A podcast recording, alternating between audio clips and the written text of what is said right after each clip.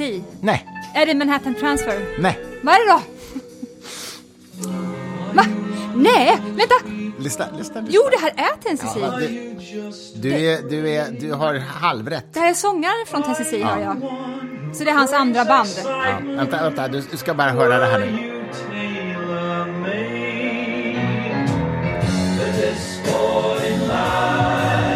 Alltså, Jättebra. I love it. det här är en platta som jag och min eh, barndoms, Sänka lite till det kanske.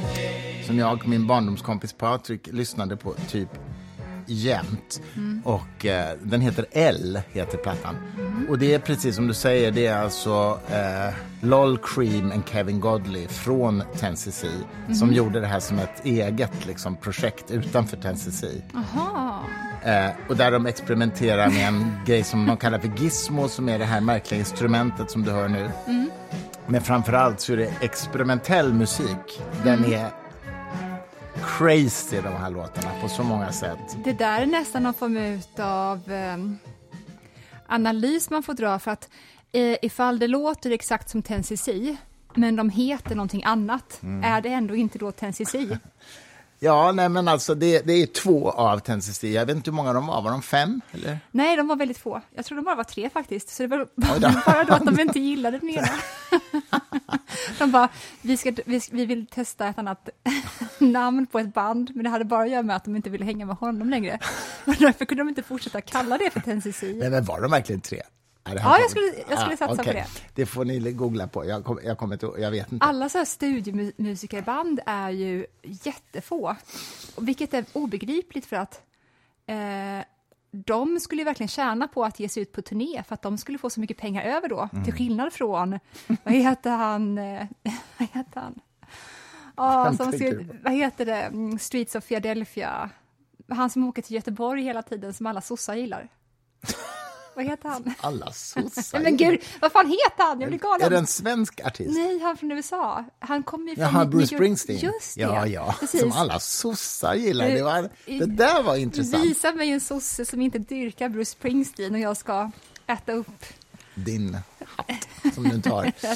Eh, jag, jag, jag, jag tror att du har rätt i den bemärkelsen att Springsteen har blivit en slags kulturmarkör som används politiskt. Alltså, ja. Han är ju arbetarklassens superhjälte. Okej. Så att det, det är ju därför de älskar honom också. De bara, åh, han är så, han är en av oss. Okej. Jag har aldrig lyssnat på Vilket honom, måste jag erkänna. Vilket han då liksom förvaltar jätte, jättebra genom att göra en podd med Barack Obama, som för övrigt är jättetråkig.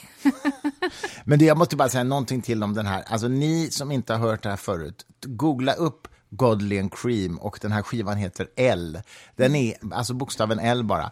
Det är alltså en uppsättning låtar som är så experimentella i sitt uttryck så att man, det, det går inte ens att beskriva. Det, det är helt fantastiskt. Tennessee var ju lite crazy redan, men det här är långt, långt bortanför vad Tennessee gjorde. Alltså. De experimenterar med rytmer och liksom olika inslag i melodin. Det är liksom inte vanliga låtar i normal mening. Jag undrar vad det var som förblev så ofärdigt för mig och min bror, eh, eftersom vi har då, jag är 39 och min bror är 36 i år. Just det, du fyllde år häromdagen. Nej, men Grattis sluta. i efterskott. Nej, lyssna nu då. Ja, Eftersom, På Einsteins födelsedag dessutom. ja älskling, men det sa du redan i Ja, men nu säger jag det igen. Eftersom jag och min bror har exakt samma musiksmak som en 59-årig vit man. Det vill säga, som jag. Exakt! Alltså jag fattar inte hur det blev så här. Vi. Det, sen, det enda som vi vill lyssna på är Pink Floyd, Mm. ehm, Genesis, Fleetwood Mac. Bowie. Ja. Nej, Varför, men det- det varför, kunde, varför blev det så här? Det är det enda, när jag och han umgås med varandra, det är det enda vi lyssnar på också. Men ni var väl ganska influerade av er pappa? Ja, men det är Av väl er alla? pappas musiksmak? Men alla pappor Ja, har fast ju ni en bodde på musiksmak. landet ni, så ni upptäckte inget utanför. Alltså, du, jag hör nog att du typ tänker så här banjoland ungefär. Jag hör nog, Ni alla upptäckte inget säger. annat än det din pappa spelade kanske? Nej, jag skojar. Jag skojar. Nej, men, du, nej, men det är riktigt. Och din pappa är ju bara knappt äldre än jag, så att han har ju samma musiksmak som jag också. Ja, Exakt. Mm. Så att när vi träffades, vi- vi bara perfect match i på alla sätt såklart. Du har just idag kommit hem från Småland Mm, det är underbart. och idag kom på posten det första tryckta exemplaret av din nya bok. Ja. Jag vet hur det känns när man får sin egen bok för första gången och håller den i handen. Det är ett speciellt ögonblick. Mm. Den förklädda guden. Den kommer ut först den 6 april, va? Just det. Men, eh, Den det kanske ett- går att förhandsbeställa på Adlibris och på Bo- Bokus. Men nu finns den i vårt hem fysiskt. Det är speciellt. Mm. Jag tror att- Vi skålar för det. Skål för det, älskling. Tack snälla, snälla. Skål. Du är fin. men, mm.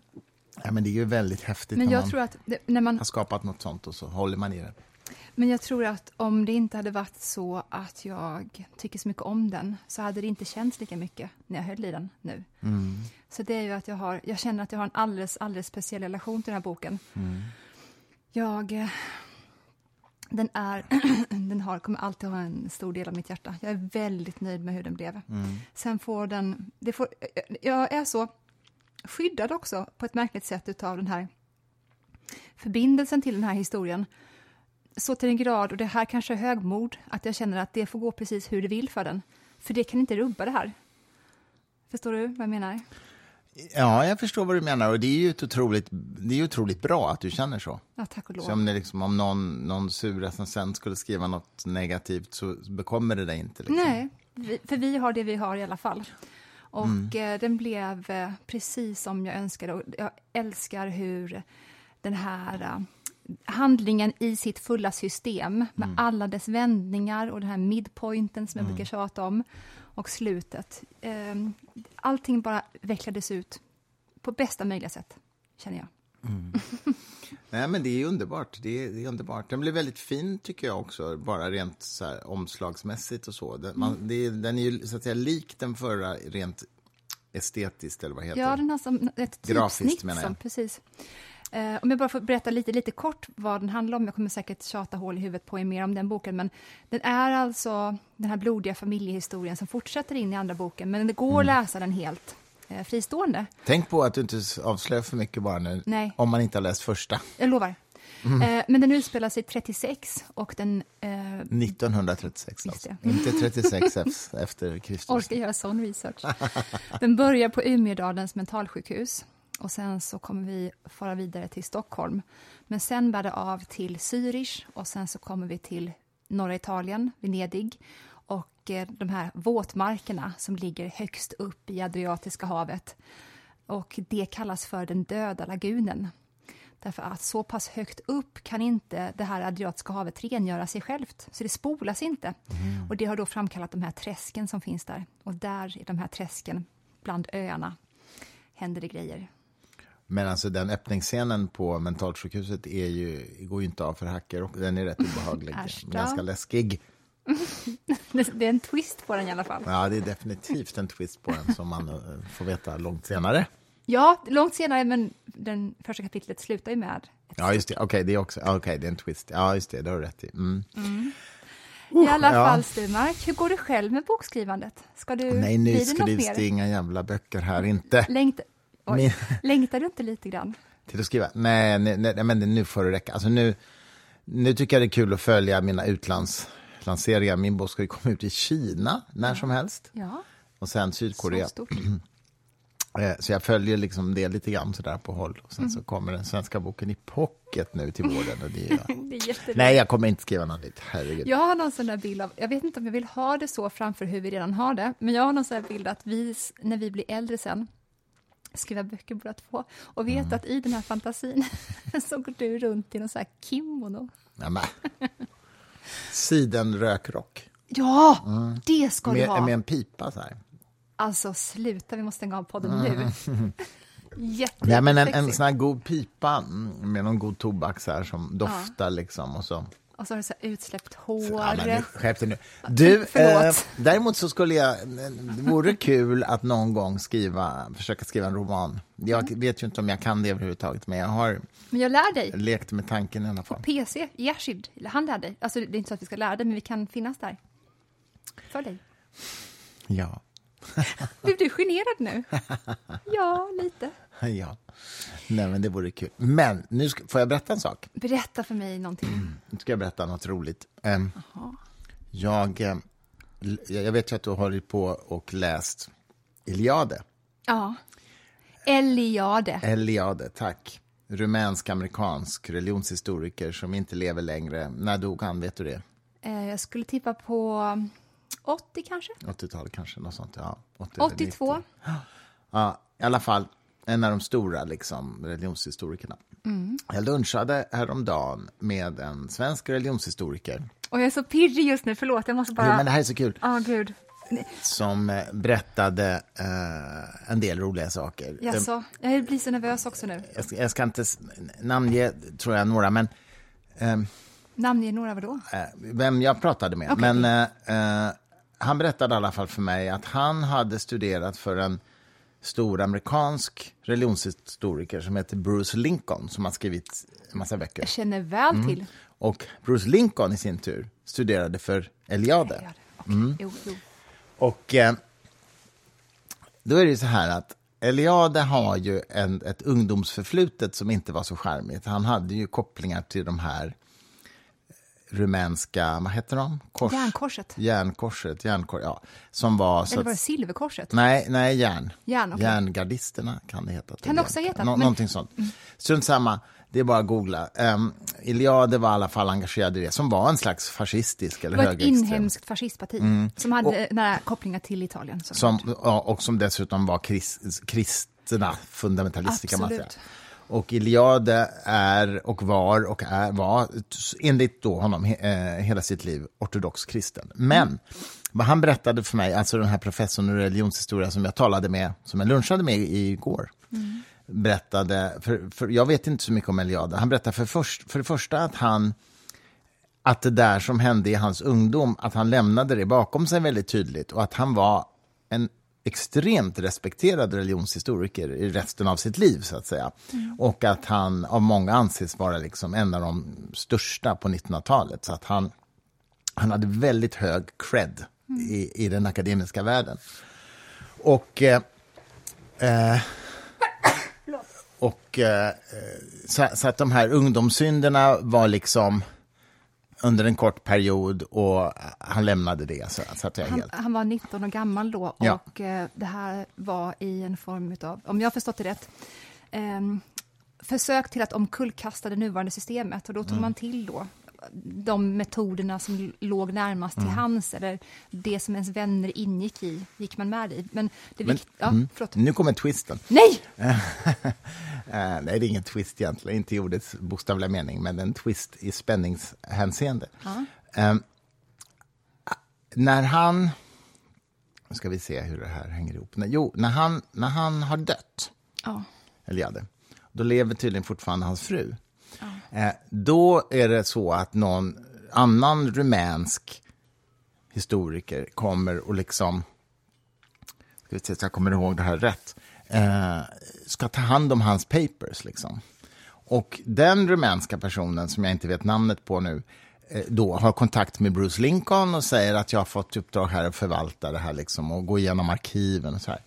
Och han hittar då texter som aldrig har publicerats, som är från de här ungdomsåren, som är inte smickrande för Eliade. Fast det är liksom inget nytt, för han, Eliade har alltid sagt att han gjorde det där när han var 19, så att säga. Så det är egentligen inget problem. Det är inte så att han avslöjas som att han liksom har tyckt så här hela livet eller något sånt.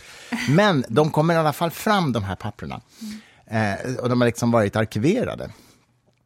Och den här rumänen då som håller på att ta hand om det här, han säger att ja, men det här är ju intressant ändå. Det här är liksom forskning kring, kring Eliade som person, vad han har gjort, så att det här borde ju liksom publiceras och sådär. Så han ger de här dokumenten till Bruce Lincoln och säger, kan inte du ta hand om de här just nu, för jag, ja, jag vet inte exakt varför. Ett par dagar senare så blir han mördad. Alltså den här rumänen. Ja, rumänen. Ja, Inte Bruce Lincoln, utan rumän. Men, men Bruce Lincoln håller på med en bok nu om Eliade. Gör han? Ja, som kommer ut när som helst. Nej. Och så vitt jag förstår, nu har jag ju varken sett boken eller läst den, utan det här är ju verkligen andras uppgifter, så anser han att han har klargjort att det här mordet kommenderades av Eliades hustru, Nej, som inte ville att det här skulle, så att säga, komma fram om Eliades Okej, det här ungdom. är ju en jättetwist. Vi måste ha en paus nu. nej, det blir, Nej, men- ingen, nej, det men- blir ingen paus. Nej, men det- för lyssna älskling. Ja. Varför var han gift med en uppenbarligen galning? Mm, det är en väldigt bra fråga. Det känns ju i sig, förlåt, förlåt, anklagelsen mot tidigare järnkorsmedlemmar.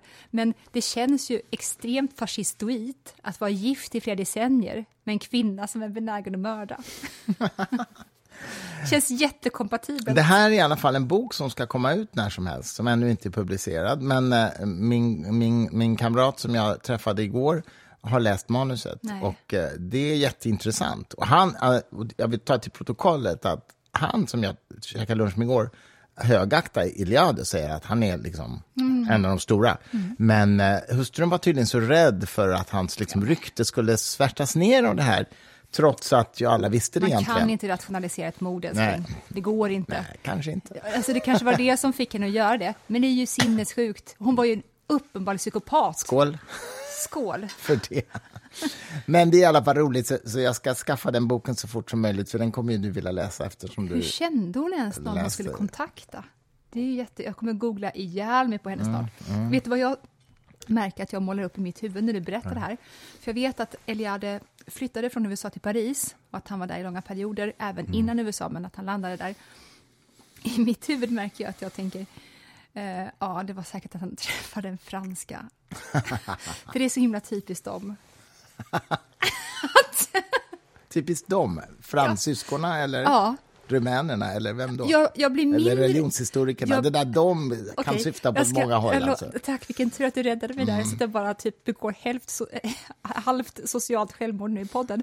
Men, men de menar jag fransyskor, därför att jag blir mindre förvånad om en fransyska visar sig vara en mördare än någon från, ja, eh, New England. Okej, crime, crime passionnel fanns ju i det fransk lag länge. Om man mördade av, svart, ja, om man mördade av svartsjuka så var det lite mildare än om man mördade för pengar till exempel. Jag tror inte så? att det är så länge. Men jo, jag tror att det där var ganska länge svenskt också, faktiskt, in på 70-talet. där Man, Mm, Ja, jag vet inte, vi ska inte spekulera, jag vet inte. Men Jag- Frankrike hade det längre än Sverige i alla fall. Det säger någonting. Jag, tänk, jag har märkt också att jag tänkt fel om passionsbrott, fast jag har tänkt att man i passionen råkar döda någon och att det är det som står, är ett, utmärker ett passionsbrott. Bara, åh, jag är så passionerad. Jaha, nej. Sen bara, oops. Och nej, nej, det är inte, nu blir det det är problem. inte passionsbrott. och att nej. man i Frankrike bara, det är lugnt, vi vet hur det känns, det har hänt oss alla. Det ska inte bli så himla... Crime passionnel, nej det är faktiskt svartsjukemord som Aha, åsyftas där. Men när man mördar sin, en man mördar sin frus älskare, då är det crime passionnel. Men ifall han mördar sin fru då? För att hon haft en älskare? Är det Ja, fortfarande det, är, for, det är nog fortfarande det, ja. tror jag. Ja. Skönt vi redde ut Alltså det jag är inte fransk jurist. Hoppas att ni tog inte ens anteckningar. jurist.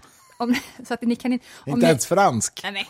Om ni behöver vägledning kring detta så märker ni att ni kan inte vända er till Christer i alla fall. Nej, det kan jag En av de få sakerna. Men där var Frankrike sena på bollen. De var ju sena på bollen att avskaffa Freud också. I, i, i, Vadå avskaffade? De har inte gjort. Nej, men de har ju... Alltså Frankrike trodde ju, tror ju fortfarande att autism beror på känslokalla mammor. Liksom. Mm. Ja, nu kan man inte säga att Frankrike tror på det, vad fan betyder det? Men Mm. att det är en föreställning som i alla fall är vid, vidare spridd där än i resten av psykiatrivärlden. Men det är också, tror jag, för att... ehm, Det är Derridas fel, tror jag. Och Den- Lacan och de där. ja, men det är ju det. Ja. Precis. Precis. Och i, i, sam, i samklang då med Freuds att... kärleksklubb, höll jag på att säga. Oj, Nej, men de älskade ju Freud. Ja, men alltså, ja. Ja, det är klart de gjorde. De älskade ju inte Jung direkt. Mm. Nej. Absolut inte. Nej. För det är livsfarligt att tänka att du kommer med vissa grundförutsättningar i livet. Allt Mm. är ju clean slate. Som din gode kära vän Steven Pinker har hävdat ibland faktiskt. The Blank Slate hette hans bok. Ja, Jag vet, Mm. jag vet. Men det kommer ju från the clean slate. Ja, just det. Ja, precis. Men han tror ju inte det. Gör inte det? Nej. Outar du honom nu? Ja, men alltså, jag menar, det är inte vad han säger i boken heller. Måtte han inte lära sig svenska? Han är ju fall? biologist. Ja, men varför, varför, varför döpte han boken till det då? Om det inte var en ironisk titel, det kan- extremt ja, smal. Ja, det är en bra fråga. Jag har inte läst den. den det gud, den kom ju ut för 20-30 år sedan. Jag har faktiskt inte läst den. Nej, inte så länge sedan. Jag minns Nej, att jag köpte den när jag var i 20-årsåldern. Skitsamma. Ehm, Steven Pinker. Det var innan vi, jag blev hans förläggare. ja. Så jag skyller på det, att jag inte läst den av det skälet. Jag tänkte ju prata lite grann om...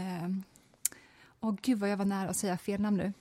Eh, och nu var jag nära att säga fel namn igen. David Lynch. Nu säger jag Mm. det fort så att det inte försvinner. David Lynch. Vad har du för relation till David Lynch? Nej, men jag såg ju som alla andra den här uh, Twin Peaks. Sådär. Men jag var aldrig sådär att jag följde den.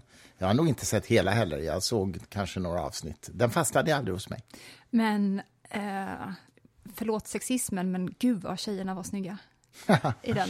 Ja, jag, Åtminstone. Jag, jag minns inte. Alltså jag, har ing, jag, har ingen, jag kommer inte ihåg det, men if you say so. Eh, för jag kom att tänka på honom idag när jag åkte tåg upp och jag sitter och jobbar på tredje boken just nu i den här serien. Och då så eh, gör jag, har jag förstått, samma teknik som jag har sett David Lynch föreläsa om. David Lynch har ju en bakgrund inom zenbuddism faktiskt. Och har experimenterat extremt mycket med vedanta-filosofin och utövat den praktiskt ända sedan 60-talet faktiskt. Han lever ju fortfarande. Han var ihop med någon snygg... Ja, Isabella Rossellini var han ihop med. Var han? Som en parentes, ja. Hon var förvisso också ihop med Martin Scorsese, vilket inte känns helt perfekt. Tillbaks till Lynch. Eh, när han då har föreläst om den här, jag tror han kallar det för djupmeditation inom det kreativa, då målar han upp en, en, en kon, en upp och nervänd kon, där den eh, flata, största, runda si, sidan är uppåt. Och sen är spetsen då neråt. Och då beskriver han liksom då att vi går omkring där uppe på den här runda, stora träffytan och tror att detta är det vi är. Eh, men så fort som man lär sig att stänga av tankarna egentligen och fortfarande inse att jag är kvar. Eh, jag trodde nyss att jag var det som tänktes och det som kändes, men nu tänker jag ingenting och jag känner ingenting. Och fortfarande, här är jag. S- Och i det tillståndet, om du börjar där bara, i det stora rummet som du blir till då, ett, ett gränslöst rum blir du till, där en hund skäller kanske, som den gör nu, det pågår i det rummet som är du.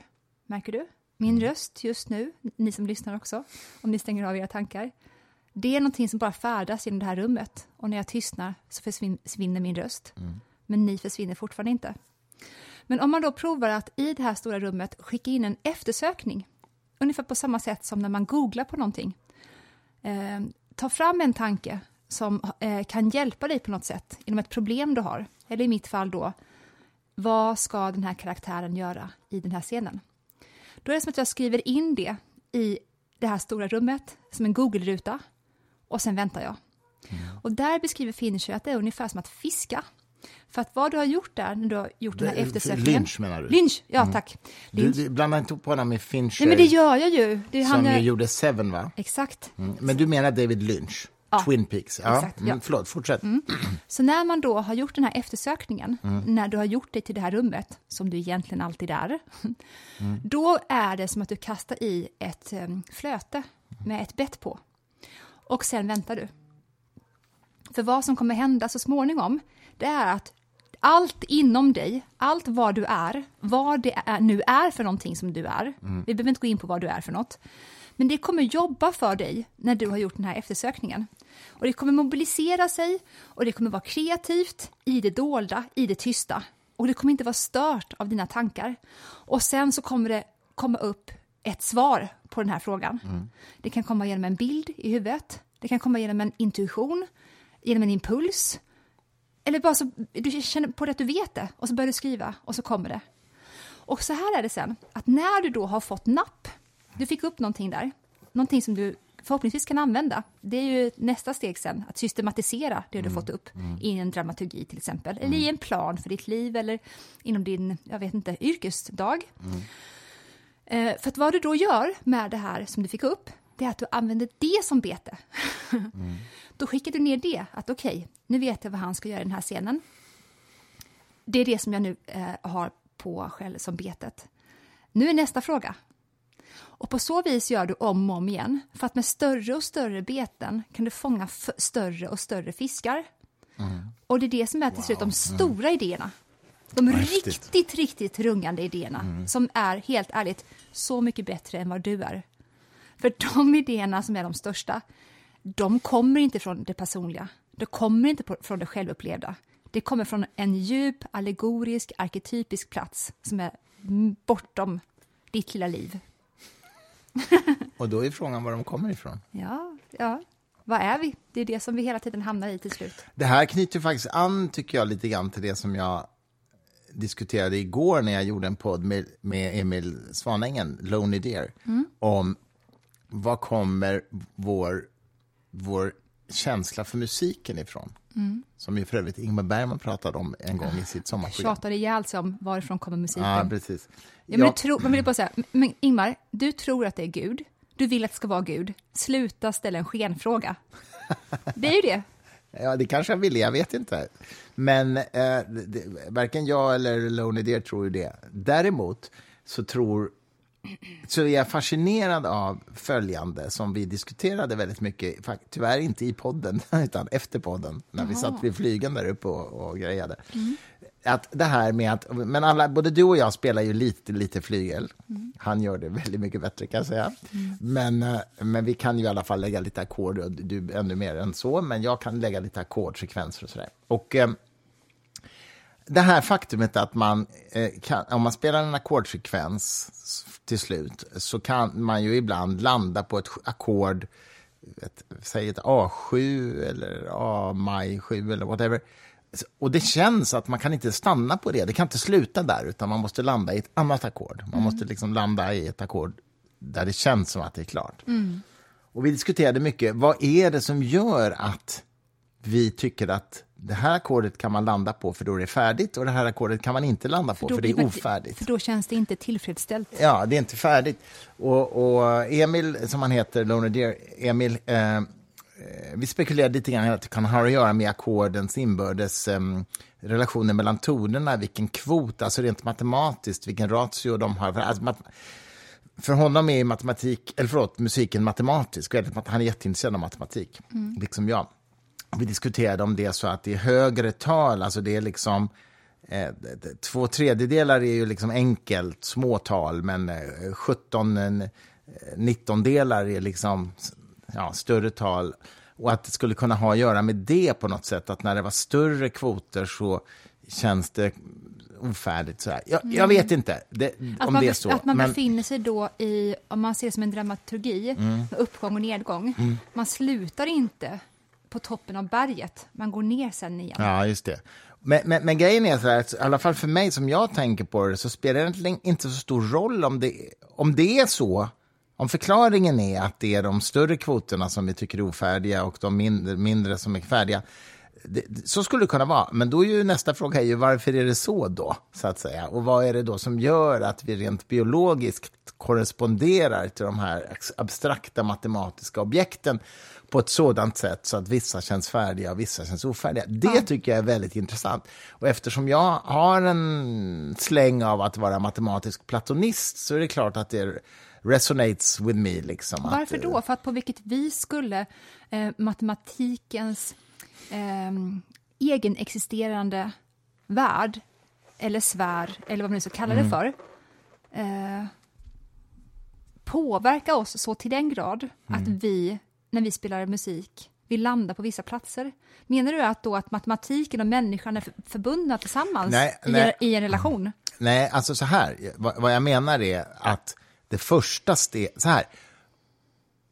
Om man inte har en platonistisk syn på matematiken då är det ju helt orimligt att tänka sig att det ska finnas en länk mellan vår biologi och eh, matematiken. Det metafysiska. Metafysiska, Eftersom då finns den ju inte ens, utan då är den ju bara en, en konstruktion i våra Ja, ja, huvuden. absolut. Så att det, det jag säger är bara att, att det, om man har en platonistisk syn på matematik så löser det åtminstone det första steget, nämligen det finns någonting att relatera till.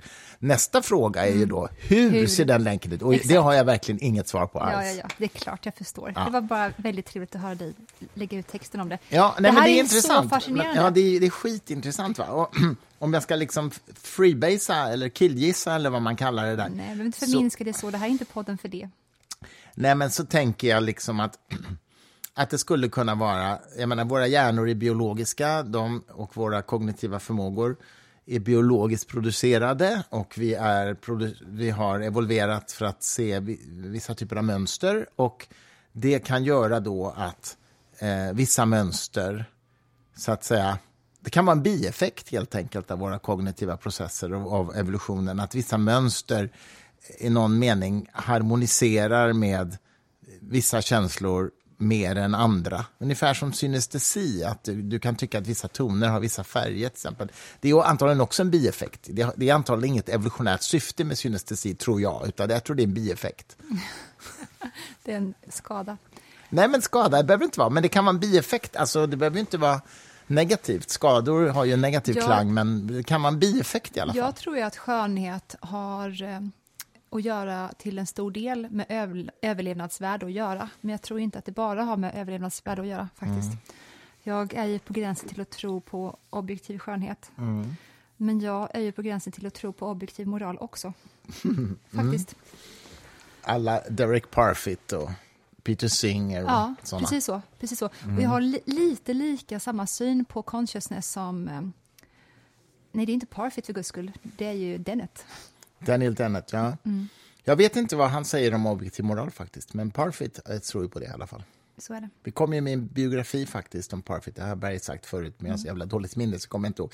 Men eh, han dog ju för några år sedan, 2014 eller något sånt. Men den här objektiva moralen Men- går ju mm. inte att, förlåt, jag var tvungen att säga det för att annars eh, sjunker det undan. Eh, Den objektiva moralen går ju såklart inte att lägga ut samma logiska tankefläta kring så som det går med matematiken eh, ur en platonistisk synpunkt. Därför att den matematiska platonismen kan man delförklara i alla fall med eh, till exempel kvanttalen. Eller att vissa, nej förlåt, primtalen. förstår. Ja, ja, Primtalen, okej, primtal, ja. Eh, att det Just kan det. inte vara på något annat sätt och så vidare. Ja. Det, det finns ett språkligt fäste som den matematiska platonisten har tillgång till, som inte moralfilosofen har tillgång till. Mm. ja, det är sant.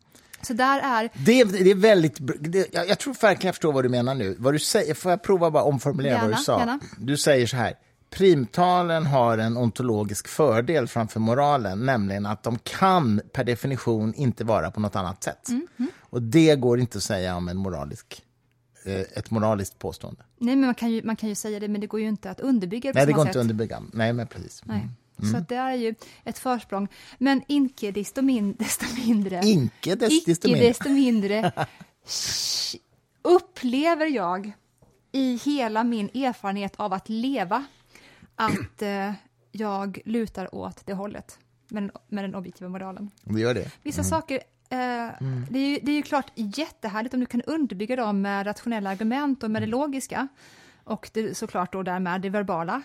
Jag kan inte det, men det är en del utav mig fortfarande som jag inte har valt och som jag inte kan bli kvitt. Vad jag än tänker och läser eller reflekterar kring så sitter det kvar. Ja, men det är bra. Har jag berättat förresten det? Det har jag nog inte berättat för dig, att vi har precis köpt rättigheter, rättigheterna till en bok om The Huxleys, Huxley-familjen. Alltså sluta. Hela gänget, från Nej. Darwins medarbetare till eh, Det här var en rolig... Skål barbarnen, till eh, Vilken underbar nyhet! Aldus och eh, ja, allt vad de hette nu. Det är nästan så att jag känner för att vi ska skaffa barn ändå, fast att vi kan döpa den till Aldus. Julian Huxley och Aldous Huxley. Eh, men det är kul. Vad, vad tog champagnen vägen? Den dunstade. Det är jättetrist. Mm. Eh, Men vet du vad, vi ska, vi ska laga faktiskt... mat, va? Ja, vi ska laga schnitzel, Mm. du och jag. Och sen så ska vi lägga oss jättetidigt, för vi ska ha Ja, herregud. Ja, det ska vi. en storm av gäster imorgon. Det är nämligen så att vi har två goda vänner som gifte sig på nyårsafton och vi lånar imorgon ut vårt hus till deras bröllopsfest. Ja. Det är ju ingen hemlighet för att det här sänds ju efter att den har varit, men det är ju Morgan och Emily heter de och de gifte sig på nyårsafton och vi bara med inga gäster alls egentligen, mer än oss och ett par till. Så nu är själva festen och den sker i vårt hus. Och det är ju faktiskt väldigt spännande. Vi, det är en häftig sak att ha fest hemma utan att behöva ta ansvar för något. Ja. För det är inte vår fest. Men vi är, vi är i alla fall bjudna. Antiklimaxet imorgon, när de kommer, Morgan och Emily. Och de bara, ja, ja, ni, ni är kvar fortfarande. vi bara ler stelt och försöker, nej, nej, vi ska, vi ska, Vi ska gå. gå nu. Ja, ehm, precis. Vi, vi kanske ska gå på bio istället. Och se Tar. Alltså, jag kommer, det här blir, det här kommer inte bli bra Eller känner jag Megan. nästan. Va? Det är en annan film vi ska se. Vad är det för... Ja, den Om där dockan. AI-robot. Nej, Mm. men nu, nu var jag på väg. Jag- Vi måste se Tar. Alltså, Jag kommer ju vara för överpeppad. Det Mm. är för mycket uppladdning i mig redan. Todd Field Mm. har gjort Tar. Ehm, Jag har en relation till Todd Field eftersom jag såg Eyes Wide Shut mer än vad som egentligen borde vara friskförklarat. Mm. Och Todd Field är alltså den här jazzpianisten i Eyes Wide Shut Mhm. som eh, berättar för Tom Cruise att han ska spela lite senare ikväll eh, i ett stort mansion. Och de ändrar alltid adressen. Och Tom Cruise då, som är ute på någon form av självdestruktiv resa den natten säger du måste ta med mig. Och sen så, då så kommer han ju till det här slottet. Men eh, tack vare då Todd Field. Och i, under inspelningen av Eyes Wide Shut så säger Tom Cruise till Todd Field jag tror att Tom Cruise har sinnessjukt högt IQ. Jag tror att han är... Tror du det? Ja, jag tror verkligen det. En, och ändå är han scientolog. Men jag, varför skulle det ha med IQ att göra? Nej, nej, det, jag vet ju att du tyvärr inte har det, men ja. Eh, Fortsätt. han säger till Todd Field att ehm, man, du kommer regissera och du kommer bli den som tar över efter Kubrick. Alltså jag vill lipa nu. Todd Field har sen bara gjort film efter film efter film. Det är ingen som jag tror kan ta över efter Kubrick. Man måste liksom på något vis gräva en ny fåra helt enkelt. Det går inte att klättra över honom inom platsen han stod på. Men Todd Field, på ren intuition sa Tom Cruise detta. Och Todd Field tror jag kommer bli den som blir den stora konstnären under vår tid faktiskt. Ja, intressant. Så ja, ifall, ifall. Tar Men inte just imorgon kanske. i- Nej, men om Tar inte lever upp till de här som ni hör sinnessjuka förväntningarna som jag har, då kommer jag aldrig ta Todd Fields namn i min mun igen. Nej, men vi måste gå och se den snart faktiskt. ja, älskling. Ska vi göra. Men det ska bli jättekul att hosta våra vänners bröllopsfest Ja. imorgon. Det ska faktiskt bli jättekul. Och vi kanske ställer till något bus under festen också. Så Det, det får bli en överraskning för dem. Men man vet inte, det kan hända något. Du, du. Och sen på söndag så ska vi ha vår talkshow på Cirkus, det vill säga samma dag som det här läggs Mm. ut. Då är det alltså om artificiell intelligens, AI och konsten, AI och medvetandet, människan och Människan, maskinen. medvetandet och maskinen. Ja, och det är alltså på vad är det, klockan sex på söndag kväll i Cirkusrestaurangen. Så att hör ni det här på söndag, så kom. Ja, det finns Gå säkert någon cirkus.se. barplats kvar. Ja. Annars kan, alltså vad fan, det ordnar sig väl känner jag nästan. Ja, man kan väl köpa där bergis Eller hur? liksom. Men Kom bara dit. för er som inte har förstått konceptet än, så här går det till. Mm. Man i den här underbart trevliga Carl Larsson-lokalen Mm. på Djurgården sitter och äter antingen en, en middag då. Men då de platserna man är slutsålda just slutsålda. på söndag, En- men bara platser kan man ha. Mm. en menybiljett eller så köper man en barbiljett. Mm. Så under tiden som ni sitter och har en härlig, härlig söndag med dryck och mat, då sitter jag och Christer på scenen med de vassaste hjärnorna inom det temat som Mm. vi pratar om och ger er en injektion, en skjuts intellektuellt som ska vara förhoppningsvis fram till nästa gång som vi sitter där igen. Ska vi bara nämna vad det tredje samtalet handlar om? Mm. Det är den 13 april. 13. Och det är faktiskt inte en söndag den gången, utan det är en torsdag kväll. Så då är det lite mer så här, vad heter Ja. det, lillfredag, lite mer I party-feeling. USA kallar man det för Thirsty Thursday. Ja, just det. Det är bra. Det är Mm. bra. Och då ska vi prata om psykedelika. Alltså? Det är jättekul. Emma Kristersson som är eh, ordförande för Osmond Foundation som stödjer vetenskaplig forskning på psykedelika. Eh, ska vara med. Och eh, Leonidas Aretaki som har skrivit en bok om detta.